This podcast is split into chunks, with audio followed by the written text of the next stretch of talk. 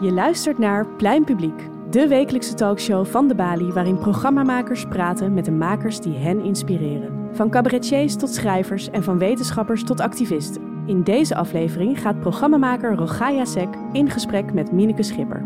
Soms hoor je ideeën die je kijk op de wereld blijvend veranderen. Rogaya had dat met het werk van Mineke Schipper. Mineke Schipper is emeritus hoogleraar interculturele literatuurwetenschap aan de Universiteit Leiden. Ze schreef tal van boeken op haar vakgebied en drie romans. In dit gesprek praat Rogaya Sek met Mineke Schipper over haar nieuwste boek Weduwe, een nooit vertelde geschiedenis. In dit boek onderzoekt ze de status van weduwe door geschiedenis en culturen heen. Want verlies van een levenspartner is van oudsher voor mannen vertaald in nieuwe vrijheid en voor vrouwen in rampzalig statusverlies. Een gesprek over de onbelichte levens van weduwen, de culturele en religieuze rituelen om ze in de tang te houden en hoe we daar langzaam van losbreken.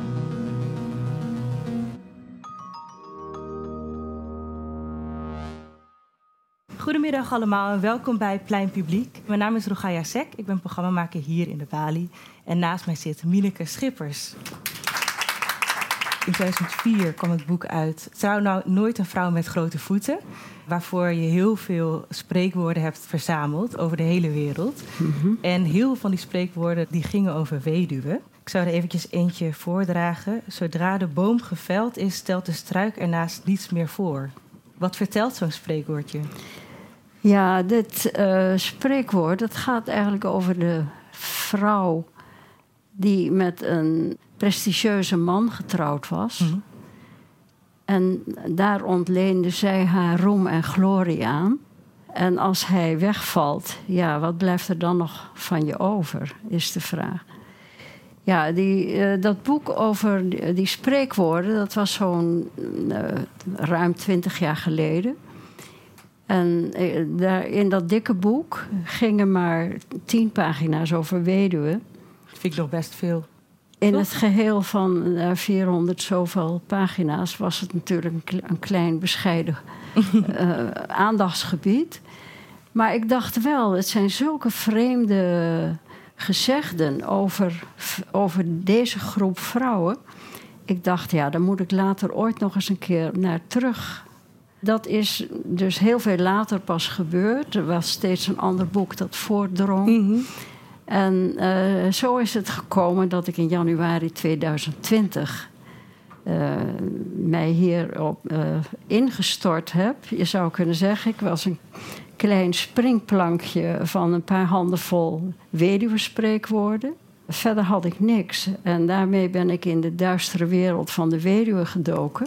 En hoe werkt dat dan in de duistere wereld van de weduwe? Nou, dan begin je als een gek te lezen en na te denken. En dan blijkt dus op allerlei vreemde manieren dat toch veel soorten mensen zich daarover hebben uitgelaten.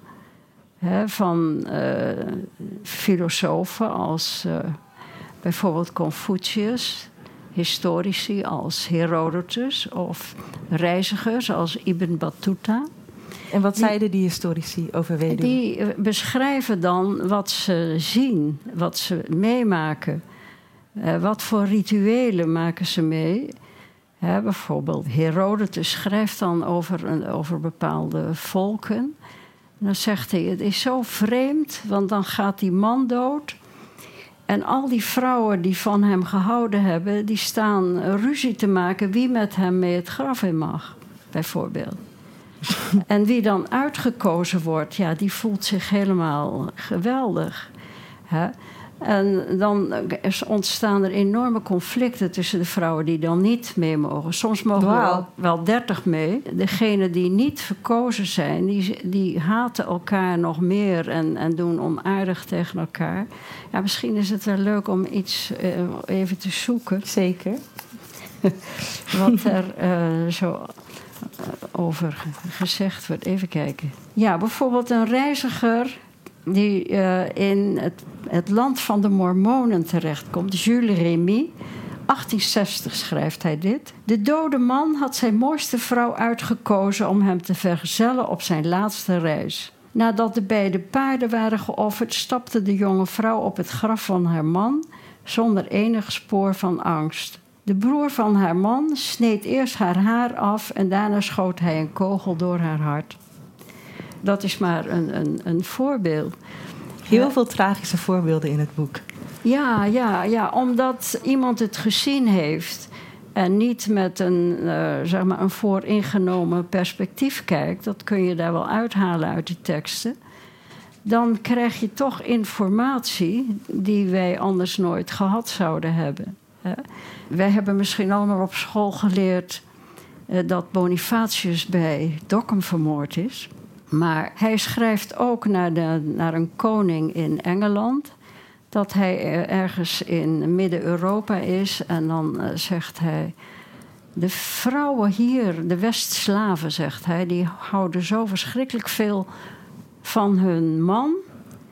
Als die man begraven ligt, dan richten zij een galg op zijn graf op en dan gaan ze aanhangen. Want ze willen eigenlijk niet meer verder leven. Dus op een moment kom je dan overal in de wereld zulke verhalen tegen. En dan vraag je af, waarom zou zo'n vrouw het liefst met die man mee willen? Mhm. Het lijkt erop dat ze heel vaak denken, nou ja, wat ik hier op aarde nog tegenkom. Hè, de getrouwde vrouwen haten mij en pesten mij. En eh, wat zal ik hier nog? Het prestige van getrouwdheid is voor vrouwen bijna het hoogst haalbare lijkt het vaak. en hoe meer je dat eh, tegenkomt, vraag je af. Ja, maar was er dan alleen maar dat getrouwde leven Mhm. voor vrouwen? En hoe kan het dan dat het zo erg verschilt van mannen? Dat denk ik is een kwestie van macht. Vooral. Wie de macht heeft, die maakt de regels. Kijk, er zijn ook hele oude graven die bestudeerd zijn, waar je al verschil in gelijkheid of hiërarchie tegenkomt. En wanneer een man eh, zijn vrouw op schoot heeft en vasthoudt in het graf, dan is dat toch een heel ander eh, perspectief dan wanneer zij bij de andere spullen hoort. Die dat is nog wel verschil, ja. die zijn meegegeven hè, van, van zijn wapens tot zijn eetgerei of eh, zijn paard of zijn hond. Mhm. Als ze daarbij ligt, eh, dan is het allemaal spullen en objecten die hem meegegeven worden, want die zal hij in het hiernamaals ook nodig hebben. Ik denk dat het een kwestie van macht is. Wie macht heeft, die eh, heeft greep op degene die minder macht heeft. Ja, ik zag ook een, de stelling die belangrijk is in de heuvels van het paradijs. Je vorige boek terugkomen in dit boek. Ik wil hem even voorlezen. De spectaculaire baarcapaciteit heeft mannen afhankelijk gemaakt van vrouwen voor hun nageslacht. Om daar iets substantieels tegenover te stellen, is alles uit de kast gehaald om vrouwen op andere terreinen voorbij te streven. Ja. En Ja. hoe komt dat dan weer terug in dit boek Weduwe? Omdat weduwen een categorie zijn die zenuwachtig maken omdat ze niet gecontroleerd worden. Niet gecontroleerd zeggen- door mannen bedoel je? Of door... Ja, ja, dus eh, normaal eh, is er een man. en ik las nog even in dat boek terwijl ik in de bus zat op weg hierheen. Dat het vaak zo is dat een man een greep op zijn eigen vrouw heeft. En tot 1971 was in Nederland een wet dat de man het hoofd van het gezin was. Ja, tot 1971.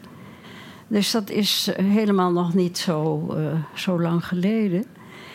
Dus die hiërarchie die sprak zodanig vanzelf. Mhm. Wat hield die wet in? Alles was zo geregeld eh, dat het vanzelf sprak dat de man de baas was. Eh, en je ziet het ook aan de spreekwoorden over de dood. Eh, van eh, wanneer een vrouw doodgaat. Verdriet voor de dode vrouw duurt tot de deur. Dat betekent, zodra zij uitgedragen is naar het graf, eh, dan is het klaar. Of God zij geprezen voor de dode vrouw. Dit komt uit Brazilië, dat eerste komt uit Europa. En je vraagt je dan af, als die spreekwoorden kennelijk populair waren... want er waren, ik heb er wel al twintig van gevonden in Europa... Eh, hoe ging dat dan? Wisselden mannen dit onderling uit? En zaten de vrouwen daar dan bij mee te eh, glimlachen van... ja, zo is het nou eenmaal. Je moet je spreekwoorden Ja. serieus nemen. En op welke manier? Nou, ik, ja, ik denk je zou ze kunnen omkeren en zeggen: liefde voor de dode man. Het duurt tot de deur en dan, dan heeft dat toch weer een ander effect. het grappige is, dat is ooit gebeurd met een klein boekje dat ik over Afrikaanse spreekwoorden heb geschreven. En vrouwen in Zuid-Afrika en Kenia stuurden mij later brieven en schreven: Nou, we hebben al die boodschappen gekregen en opeens hebben we alles omgekeerd. Mhm. Dus het effect dat de, de, alles waar een man stond, overal waar een man stond, hebben we vrouw ingevuld. En toen hebben we zo ontzettend gelachen met elkaar en dachten we: Kijk, we moeten ons perspectief op de wereld veranderen. En ik denk dat geldt ook voor uh, al die informatie over de geschiedenis van weduwen, die eigenlijk in geconcentreerde vorm laten zien. Eigenlijk de hele geschiedenis van uh, vrouwen sinds de wereld meer zo gevormd heeft dat ja. vrouwen minder macht hadden. Ik wilde eventjes een paar onderwerpen langs die uh, in je boek langskomen. Het omhoog trouwen van vrouwen. Ja. Wat is dat en hoe heeft dat invloed op weduwen dan weer? Ja, nou ja, omhoog trouwen en, omlaag trouwen, dat ontdekte ik, die twee fenomenen, toen ik met die spreekwoorden bezig was. Trouw nooit een vrouw met grote voeten, heet dat boek. En die grote voeten, die zijn een, een metafoor voor alle talenten, alles wat een vrouw uh, in haar mars heeft, wat mhm. ze kan allemaal. En, dus trouw nooit met een getalenteerde vrouw? Ja, ja, ja. Een getalenteerde vrouw of... Uh, of een rijkere vrouw? Ja, een geleerde vrouw kan ook. Dat wordt nooit wat. Volgens de spreekwoorden dan. Dus als je daarnaar kijkt, dan zie je dus... Ja, die man hoort dus uh, volgens die boodschappen in, in spreekwoorden. En eigenlijk als je naar onze eigen samenleving kijkt, is, worden die boodschappen vaak nog gehoorzaam nageleefd. Bijvoorbeeld, een man hoort groter te zijn. Als wij iemand mhm. uitzoeken, een man, dan kun je omhoog kijken. Je kijkt letterlijk al naar hem op, want die, zo kies je dat uit. Is het iets Nederlands of is dat iets uh, wereldwijd? ik denk dat het in het algemeen, uh, zou je kunnen zeggen. Het grappige is, ik vond dan bijvoorbeeld wel eens een, een heel leuk spreekwoord uit Centraal-Afrikaanse Republiek.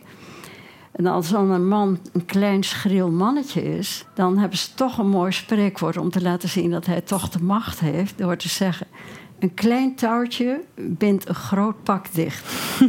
Daar kun je dus heel, heel goed aan zien. Hè?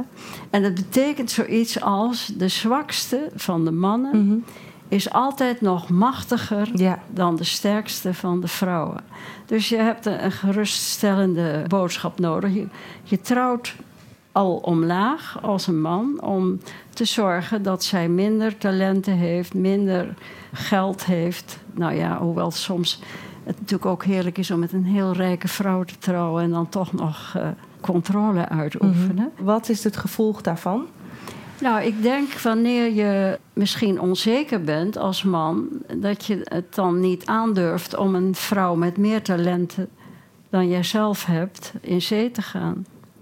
Snap je? Ja, en dan gaat de man dood. Wat, wat is daar dan het. Uh... Ja, nou ja, goed. Dus wanneer die man uh, en die vrouw dan, zeg maar, hij omlaag en zij omhoog mhm. trouwt.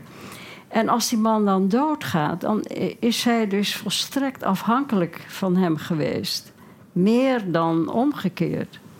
En in dat geval krijg je dan de situatie dat zij als de struik naast die gevelde boom. Mm dat zij kennelijk in een situatie dreigt te komen dat ze eh, dan niet weet hoe ze verder moet. Ja. Uh, en er zijn dus ruim 258 miljoen weduwen in de wereld. Heel veel van hen zijn dan getrouwd geweest met oudere mannen, die dus uh, meer ervaring hadden, meer in hun mars hadden. En dan raak je een soort ontheemd, zo lijkt het. En de boodschap is ook, nou, ze kan eigenlijk geen kinderen opvoeden in haar eentje. Haar hond kan ze niet in bedwang houden, nou, ja, noem maar. De boodschappen die rondhangen zijn van, nou, dat wordt nooit meer wat. Ja. En het lijkt bijna alsof het is Omdat zij, stel dat zij het wel in haar eentje redt, hè, dan worden misschien al die andere getrouwde vrouwen ook onrustig. Dus de, boodschappen zijn, nou, dat kan nooit wat worden. Ze heeft, als haar man doodgaat, dan heeft ze geen ruggengraat meer. en bovendien, uh, ze is als een vijgenboom langs de weg. Iedereen kan er maar van plukken. En, uh, dus seksueel is het ook heel bedreigend. Hmm. En stel dat ze als paard zonder berijder, de berijder is altijd haar echtgenoot. En als zij de berijder eraf gegooid heeft en ze vindt toch nog de wei in haar eentje, hè, en ze kan heerlijk van het gras smullen. En, en van het gras smullen staat dan eigenlijk ook voor seks. Dus de, de controle die gaat verloren en dat geeft onrust in de samenleving. Het betekent vaak ook dat ze makkelijk lastiggevallen ja. wordt. En dan durft ze daar niks van te zeggen, omdat er toch al over haar geroddeld wordt. Ja, en een ander onderwerp, het inwonen bij de familie van de man. Ja. Dat gebeurt uh, op een heel groot gedeelte van deze wereld. Is dat normaal? Dat als je gaat trouwen, dat je dan gaat wonen bij de familie van de man. Ja. Wat voor invloed heeft dat op uh, de positie van de vrouw? Enorme invloed. En zeker als ze weduwe wordt. Kijk, uh, van oudsher, oh ja, hier kan je het op het mhm. kaartje zien, hoeveel patrilokaal trouwen gebeurt. Toen er nog kleine samenlevingen waren van kleine groepjes mm -hmm. die rondzwierven. Toen was het eigenlijk nog niet zo'n punt. Maar op een moment hebben de vrouwen de landbouw uitgevonden, bij, vlak bij huis. En als die mannen dan uh, van de jacht terugkwamen en ze hadden niks bij zich, dan hadden die vrouwen toch nog iets te ja. eten. En toen op een moment is op verschillende plekken de ploeg uitgevonden. En die ploeg die maakte dat er veel meer verbouwd kon worden. En vanaf dat moment, van dat deden mannen dan, dat praktiseerden ze die landbouw op hun eigen erf of rondom. En dat uh, maakte dat het steeds vanzelfsprekender werd dat die bruid bij die familie van die man kwam wonen. Toen ik in Congo woonde, toen uh, zeiden vrouwen, waarschuwend moeders tegen hun zonen die gingen trouwen. Eten met een vrouw is eten met een heks. Dus als een soort waarschuwing. Wat bedoelden ze daarmee? En als je dan vroeg wat betekent dat, dan zeiden ze: Ja, maar zij komt van buiten. wij zouden zeggen: ze is van de koude kant. Of zij, uh, is, zij heeft ander bloed. En hij moet wel dus iemand van buiten eh, vinden om, uh, omdat wij nageslacht willen in onze familie. Je moet altijd met haar uitkijken. Ze is geen bloedverwantschap, dus daar moet je mee uitkijken. En wanneer uh, dus die mensen dan bij de familie van de man introuwen mm. of op, in de buurt wonen. En dan op een moment gaat die man dood. En dan krijg je een probleem, want ja, hoe is het. Er zit er nog een heks in huis. Ja, heeft zij misschien iets gedaan? En vandaar dat in Engeland bijvoorbeeld een, een spreekwoord bestaat dat zegt: trouw nooit met een weduwe behalve als haar man was opgehangen voor straf dan kan zij het niet gedaan hebben. Oh, ja, ja. en er werd vaak gewaarschuwd tegen het trouwen met een, met een weduwe. een vrouw, zeggen de Fransen, die haar man heeft begraven, zal niet aarzelen er nog een te begraven. Ja, en daarmee komen we eigenlijk ook een beetje bij die hekserij. Wat ook een heel groot thema is in het boek. Ja, maar ik denk wat nog even over die, dat patrilokaal mm wonen. Dat dat steeds meer geworden is. er zijn nog kleine groepen waar het andersom is. En die vrouwen die hebben veel meer uh, het gevoel dat die mannen moeten zich aanpassen. Hè. Een collega gaf mij voorbeelden uit uh, van de Minangkabau in, uh, op Sumatra.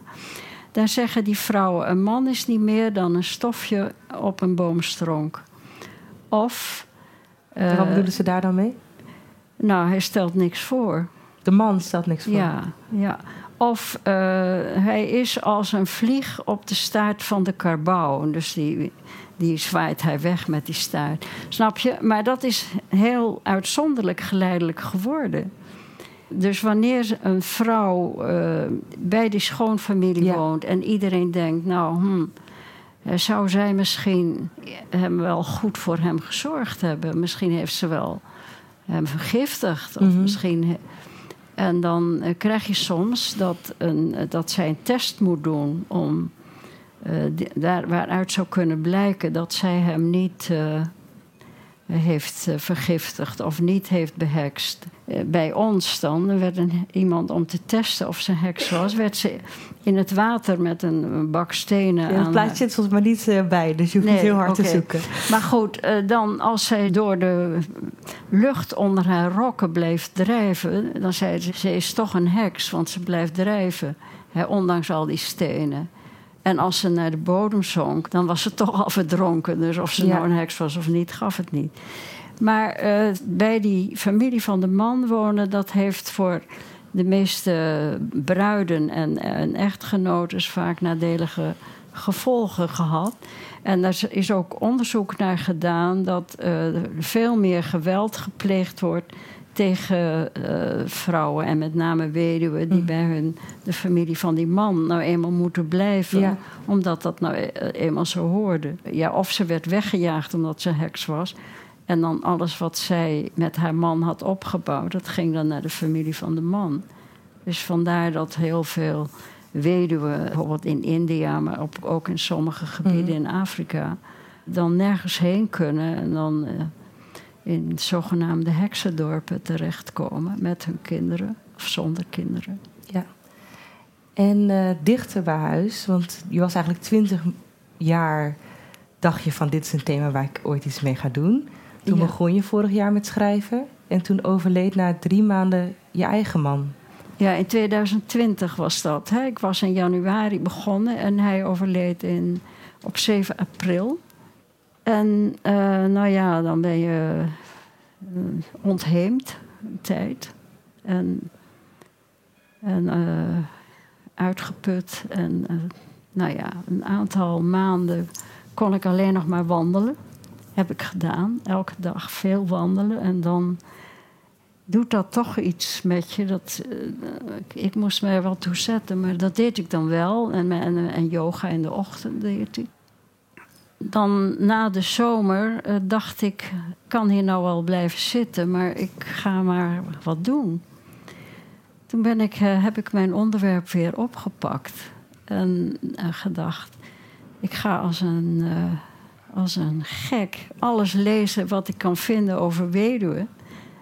En daar was ik natuurlijk toch al mee bezig, maar ja, op een moment, ik weet niet of dat hebben andere schrijvers waarschijnlijk ook dat je op een moment uh, zoveel materiaal vindt dat je denkt: hè, hoe kan ik hier.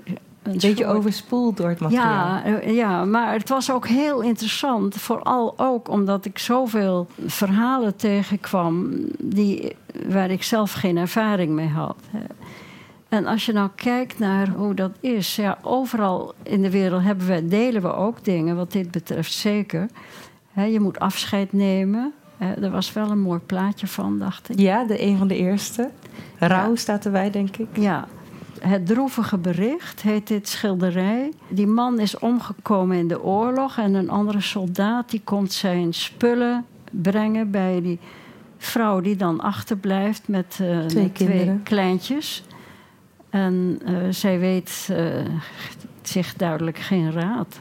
Zo, een herkenbaar zo begint dat. Ja, ja, ja ze, ze, weet ze niet hoe het verder moet. En ik denk wel dat heel veel eh, vrouwen met kleine kinderen... nou dat je hebt uh, toch een, een minimum aan bestaansmiddelen nodig... Wil je, wil je verder kunnen.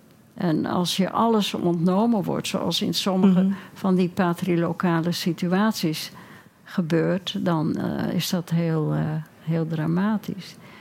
Dus ja. Uh, en heeft dat schrijven nog geholpen bij je eigen rouwproces? Ja, misschien wel. Ja, het is eh, heel lastig om die dingen uit elkaar te halen. Maar ik word meestal wel heel blij als ik aan het schrijven ben. ook al waren het vaak schokkende en onthutsende heel verhalen. erg schokkend. Vooral dat idee dat je niks meer te doen hebt in deze wereld als die man dood is. Wat, dat vind je dus toch op heel veel plekken. dat bijvoorbeeld in Oceanië een, schrijft een van die reizigers dan gingen ze naar hun, als hun man dood was, en er waren soms meer vrouwen, dan gingen ze naar hun broer en dan zeiden ze: eh, Nu moet je mij wurgen, want als je niet snel bent, dan kan ik hem niet meer inhalen. En dat gebeurde dan ook. En dat ging soms in zulke aantallen. Bijvoorbeeld als een chef doodging en hij had 15 of, of 30 vrouwen. Dan gingen die allemaal mee met hem de dood in. En zodanig dat sommige uh, volken uitgestorven zijn omdat uh, de machtigen, die hebben de jonge en mooie vrouwen uitgezocht. Mm -hmm. Voor sommige mannen blijven dan alleen nog een paar oude vrouwen over. Mm -hmm. uh, dus het zijn schokkende verhalen die je tegenkomt. Ja, maar alsnog word je er blij van, van het schrijfproces. Uh, nou, nee, dan, dan niet. Dan, je, je bent onthutst ja. en je denkt... jongens, wat is het fijn dat dat ook afgeschaft is geleidelijk. Ja. Ja. Want hoe is het met de positie van de weduwe nu? Ik denk dat het op veel plekken beter gaat. Doordat de charter van de Verenigde Naties. Dat dus ieder gelijk is voor de wet, ieder recht heeft op leven. En dat je dus iets hebt om op terug te grijpen. Wanneer het erom gaat uh, dat je recht hebt om te bestaan. Hè? Of je nu man of vrouw bent, of getrouwd of weduwe, dat maakt allemaal niks uit. Hè? En uh, wanneer het dan gaat uh, om argumenten over ja, maar we hebben onze tradities. Ja. Uh, en de vraag van wie zijn die tradities eigenlijk? Wie heeft die bedacht en wie mm. heeft daar voordeel van? En wat is het antwoord daarop? Nou, het, het, antwoord daarop is dat er dus belangen zijn die sommige, voor, voor sommigen goed uitpakken en voor anderen juist heel, heel negatief. Er zijn dus allerlei uh, tradities waar een weduwe, voordat ze weer mee mag doen in de samenleving, moet ze seksueel gereinigd worden. Ja. En dat betekent dat de broer van de overledene moet seks met haar hebben. En omdat dat uh, toch vaak besmettingen gaf, in, uh, sinds de uh, HIV rondhangt overal, mm -hmm. is dan ook bedacht, nou dan moeten we maar beroepsreinigers van maken. Ja, die nog meer. HIV hebben. Ja, dat is nog, werd nog problematischer. Maar als vrouwen dan zeiden, nou dat ga ik, dat ga ik niet doen, dan. En dan vervolgens, dat was dan de traditie dat het zo hoorde, dan, en er stierf een kind in het dorp. Dan zeiden sommigen, ja, die geest van jouw man is ontevreden. Dus hij heeft wraak genomen op dat kind. En zolang jij die seks uh, niet gedaan hebt, die, dat ritueel van die uh, seksuele reiniging, ja, dan komt het niet goed met onze samenleving. Dus heel veel vrouwen gaan daar toch in mee op een moment. Ja. Maar op sommige, in sommige samenlevingen, zoals in Zambia bijvoorbeeld, dan wordt gezegd: we kunnen dat ook op een andere manier doen. Dus bijvoorbeeld door iemand met, uh, met uh, kruiden mm -hmm. in te smeren. En dan is het ook goed. Oké, okay, dat klinkt wel beter. Ja, dat, dat kan dus ook als dat geaccepteerd werd, dan was het goed. Maar er waren dus soms toch wel mopperige mensen die zeiden: Ja, maar wacht eens even, onze, hè, wat zullen onze voorouders hier wel van zeggen? Wat ja. voor doel dient dan zo'n heftig ritueel? Ja, is dat dan omdat het eenmaal een keertje bedacht is en dat het dan maar doorgaat en doorgaat en dat mensen erin geloven? Of dient ja. dan aan het begin ook een bepaald doel, zo'n ritueel? Ja, nou ja, ik denk dat er misschien ooit gedacht is als een man doodgaat, dan is hij niet tevreden in dat hiernamaals. Dus wij moeten allerlei dingen doen. Uh, bijvoorbeeld, we moeten hem een goede begrafenis geven, we moeten offers mm. brengen, we moeten uh, liederen zingen, mm. we moeten afscheid nemen en alles. En als hij dan toch nog zoveel ontevredenheid manifesteert, dan moet er nog iets gebeuren. En dan kan je op een moment op dit idee komen. Kijk, als iemand anders seks met haar mm -hmm. gehad heeft, dan is, het, uh, dan is het misschien duidelijk aan voor hem. Ja. Maar ja, zo zijn er op allerlei manieren gedacht aan hoe dat uh, moest na de dood van, van, mannen. Het gekke is dat je nergens, bijna nergens vindt dat die dood van een vrouw ja. enige invloed had. Ja. Zij was eigenlijk meer die, die vlieg op die staart van de karbouw, kun je zeggen. Omdat zij toch al geen macht had. Ja. Dus het werd, er werd van alles bedacht om die, eh, om die vrouw te controleren op allerlei manieren. En zij was vaak doodsbang zelf dat hij terug zou komen en seks met haar zou willen.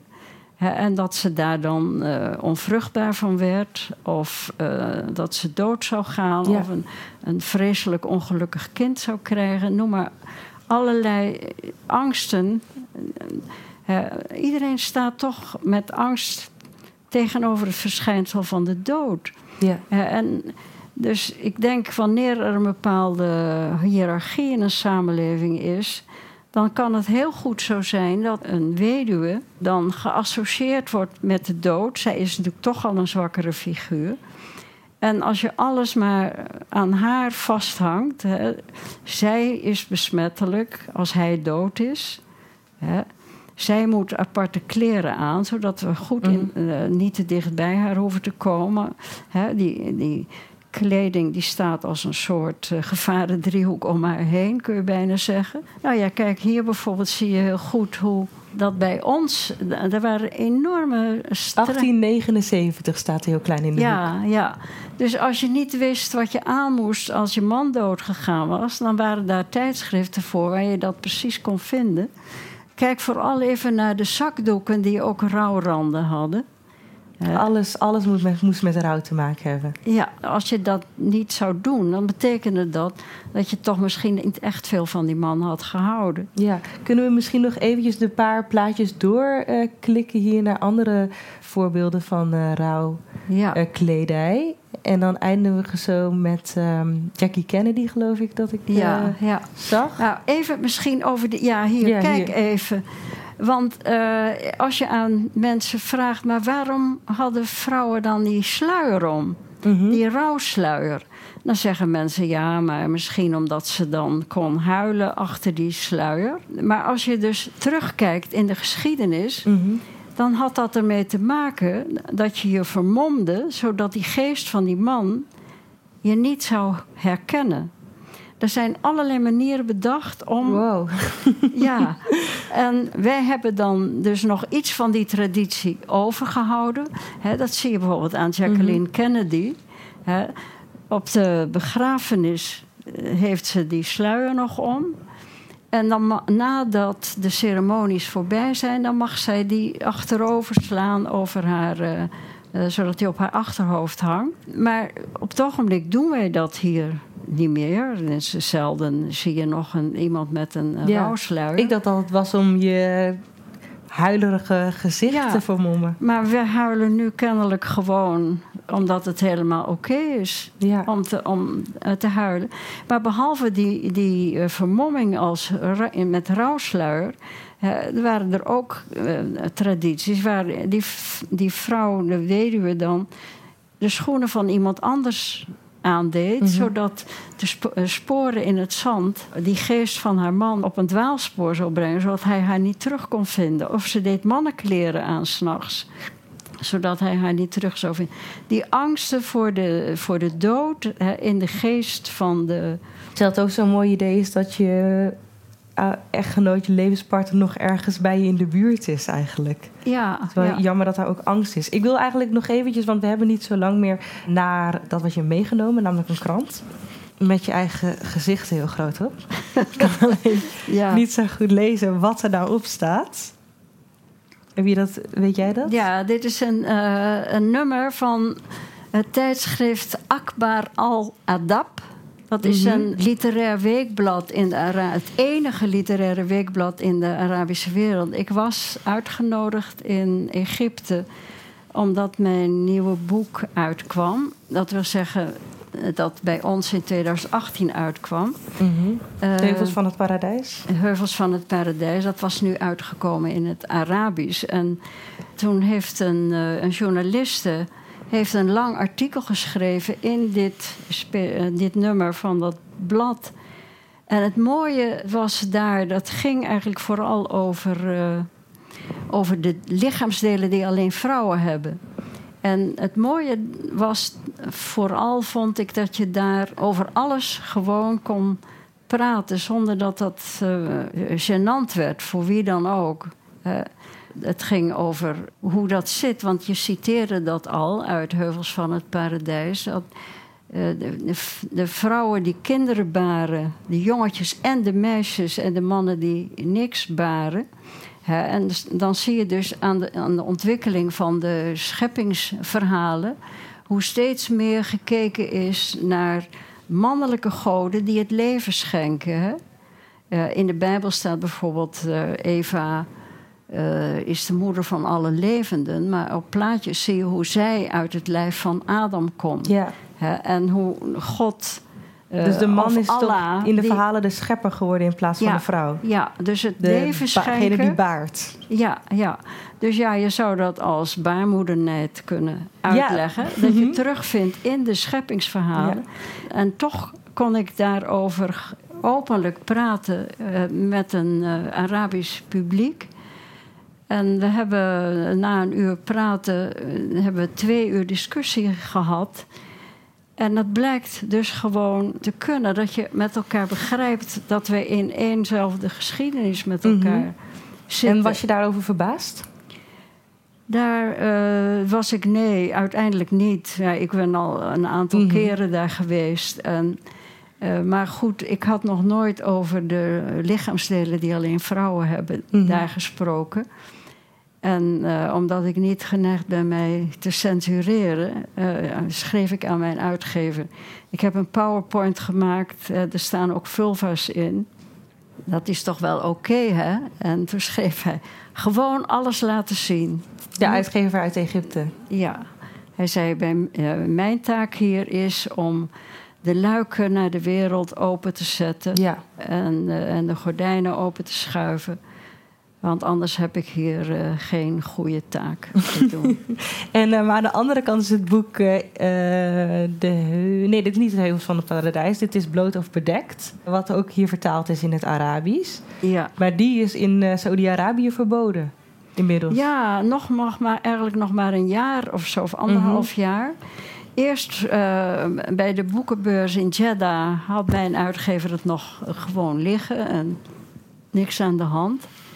En ja, je hebt maar één persoon nodig die uh, gaat klagen. -hmm. Zonder het gelezen te hebben, denk ja, ik. Ja, uiteraard.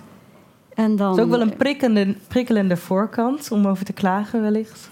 Dat is heel ja, mooi. Ja, ja, ja, ik vond het fantastisch. Prachtig gedaan. En, uh, en toch is het heel goed. Uh, en, en, en, ook die, die schrijfster, die journaliste die dat artikel heeft geschreven die zei: Ik draag nog wel een, een hoofddoek. Maar sinds ik dit boek gelezen heb, begin ik daar ook wel over na te denken. Oké. Okay. of dat eigenlijk. Uh, Sinds ze bloot of bedekt is een belangrijke vraag voor haar nu. Ja, ja eigenlijk. Uh, wat probeer je eigenlijk te bewerkstelligen met al die boeken waarbij die zo ongelooflijk mondiaal zijn. En dat het niet zeg maar alleen maar bijvoorbeeld uh, de geschiedenis van weduwe in Nederland is, maar dat het dan meteen wereldwijd uh, ja. is. Ik denk dat de, de vraag die mij altijd het meest nieuwsgierig maakt, is de vraag: wat delen wij? Wat hebben wij gemeenschappelijk? En wat we gemeenschappelijk hebben, is ons lijf. Op die paar verschillen tussen uh, mannen en vrouwen, zou je kunnen zeggen. En er is natuurlijk een overgangsgebied mm -hmm. waarin dat allemaal minder uh, vanzelfsprekend ligt. Maar um, ik denk dat we die vraag een beetje vergeten soms in, in, de, in onze hartstochtelijke discussie over identiteit. Want zo, zodra je één identiteit en je, je hebt en je daaraan vastklampt, dan uh, zou mijn oude vriendin Marise Condé zeggen. Ik weet niet of je wel eens van haar gelezen hebt of gehoord hebt. Zij komt uit de uh, Caribische wereld. Zij zegt: uh, je zaagt de tak af waar je op zit. als je. maar je amputeert jezelf ja. wanneer je maar eigenlijk op één manier dingen mag, mag doen. Ik weiger om elke uh, kwaliteit mijzelf te ontzeggen. Dus ik moet eigenlijk voortdurend doorgroeien en bezig zijn met mij te ontwikkelen op alle manieren die in de menselijke culturen mogelijk En je zaagt misschien ook je tak af als je jezelf dus identificeert, voornamelijk als één bepaald ding, omdat je mensen je doet zoveel jezelf meer tekort. Ja. ja. Ja. Ja, we vragen altijd aan de gasten of ze een vraag hebben voor de volgende gast. En uh, nu hebben we Thijs Goldsmith nog eventjes uh, gebeld. Want dat was de vorige gast of hij ook een vraag had uh, voor jou. En hij had een vraag, want hij heeft wel eens met jou in de trein gezeten naar Groningen, als ik het goed heb. Ja. En daar heb je heel veel verteld over paranormale verschijnselen. En hij vroeg zich altijd nog af: is dat alleen maar iets waar je heel veel over weet? Of is het ook iets waar je in gelooft? Ik, ik herinner me helemaal niet dat ik het zoveel over paranormale zaken had. Ik ben een keer bij Gerard Croiset geweest. Dat was een, uh, een paranormaal begaafde mhm. man omdat in Congo, waar ik gewoond had, er was een klein jongetje weggeraakt. En de grootvader die kwam uh, uit Frankrijk en die had van Croiset gehoord dat hij dingen kon oplossen. En uh, omdat iemand moest vertalen en ik in Congo was geweest, had hij via via over mij gehoord. Mm -hmm. En ben ik met die oude man, met foto's van dat kind, naar, die, uh, naar Croiset geweest. En die wist meteen, hij hield alleen de foto van dat kind in zijn handen. En hij zei in het Nederlands: Dat kind is dood. En uh, ik zei: Ja, maar ik kan dat niet nu meteen aan die grootvader zeggen. Dat is te schokkend. Dus je moet eerst maar wat dingen vertellen. Hij begon te vertellen over het kind dat was, had een tekening voor moederdag gemaakt. Die was ik daar en daar op een kruispunt in Kolwezi, in die stad in Congo, ver, verloren. En, en, want iemand anders dan de normale persoon die hem ophaalde op school eh, had hem meegenomen. Mhm. Dan denk ik. En het bleek achteraf allemaal zo te zijn dat is dan het antwoord. Het paranormale uh, bestaat waarschijnlijk wel te zeggen. Er zijn eh, dingen waar wij geen verklaring voor hebben en die toch soms blijken te kloppen. Dus ik denk, mysteries zullen altijd blijven. En we, uh, we moeten ook nieuwsgierig blijven ja. naar wat er meer mogelijk is. Dankjewel, Minneke Schipper. Um, volgende week is David de Jong hier te gast, een Midden-Oosten correspondent. En hij heeft het boek Nazi-miljardairs geschreven. Uh, Mineke Schipper heeft ook een, vraag voor hem. Maar dat uh, hoort u dus wat die vraag is volgende week in Plein Publiek. Heel erg bedankt voor het kijken.